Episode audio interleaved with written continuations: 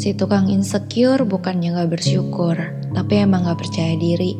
Susah percaya bahwa diri sendiri itu berharga, padahal sudah banyak contoh untuk memotivasi agar jadi percaya diri. Semua influencer berkata, love yourself, tapi gak ada yang mengajarkan caranya. Orang terkenal selalu berkoar-koar untuk mencintai diri apa adanya tapi tak jarang mereka melakukan operasi plastik agar tampil sempurna. Tidak ada yang salah dengan operasi, hanya saja aku tidak paham. Jelas saja orang yang tidak melakukannya jadi membandingkan dirinya dengan mereka yang sempurna di sosial media. Tapi jika tidak tampil sempurna, tidak ada orang yang akan melirik. Lalu salahnya di mana? Apa arti dari mencintai diri sendiri sesungguhnya?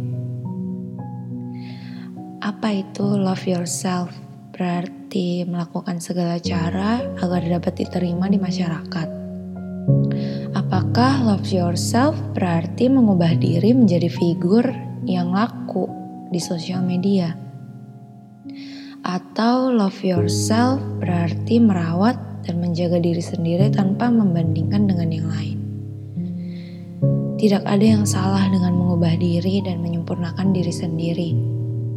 Tapi manusia lain cenderung untuk membandingkan sisi terburuk mereka dengan sisi terbaik orang yang sempurna itu. Si tukang insecure bukannya mau cari perhatian, tapi memang dalam dirinya merasa dia selalu kurang. Si tukang insecure bukannya mau dapat pujian dan kata-kata manis, tapi memang dia tidak tahu caranya untuk mencintai dirinya sendiri.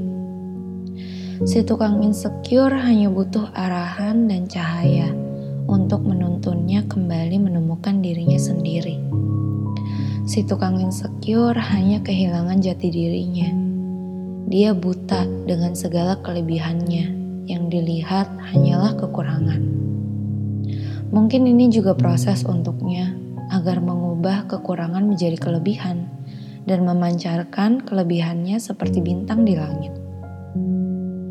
Si tukang insecure tidak selalu negatif. Dia hanya ingin membenahi dirinya sendiri.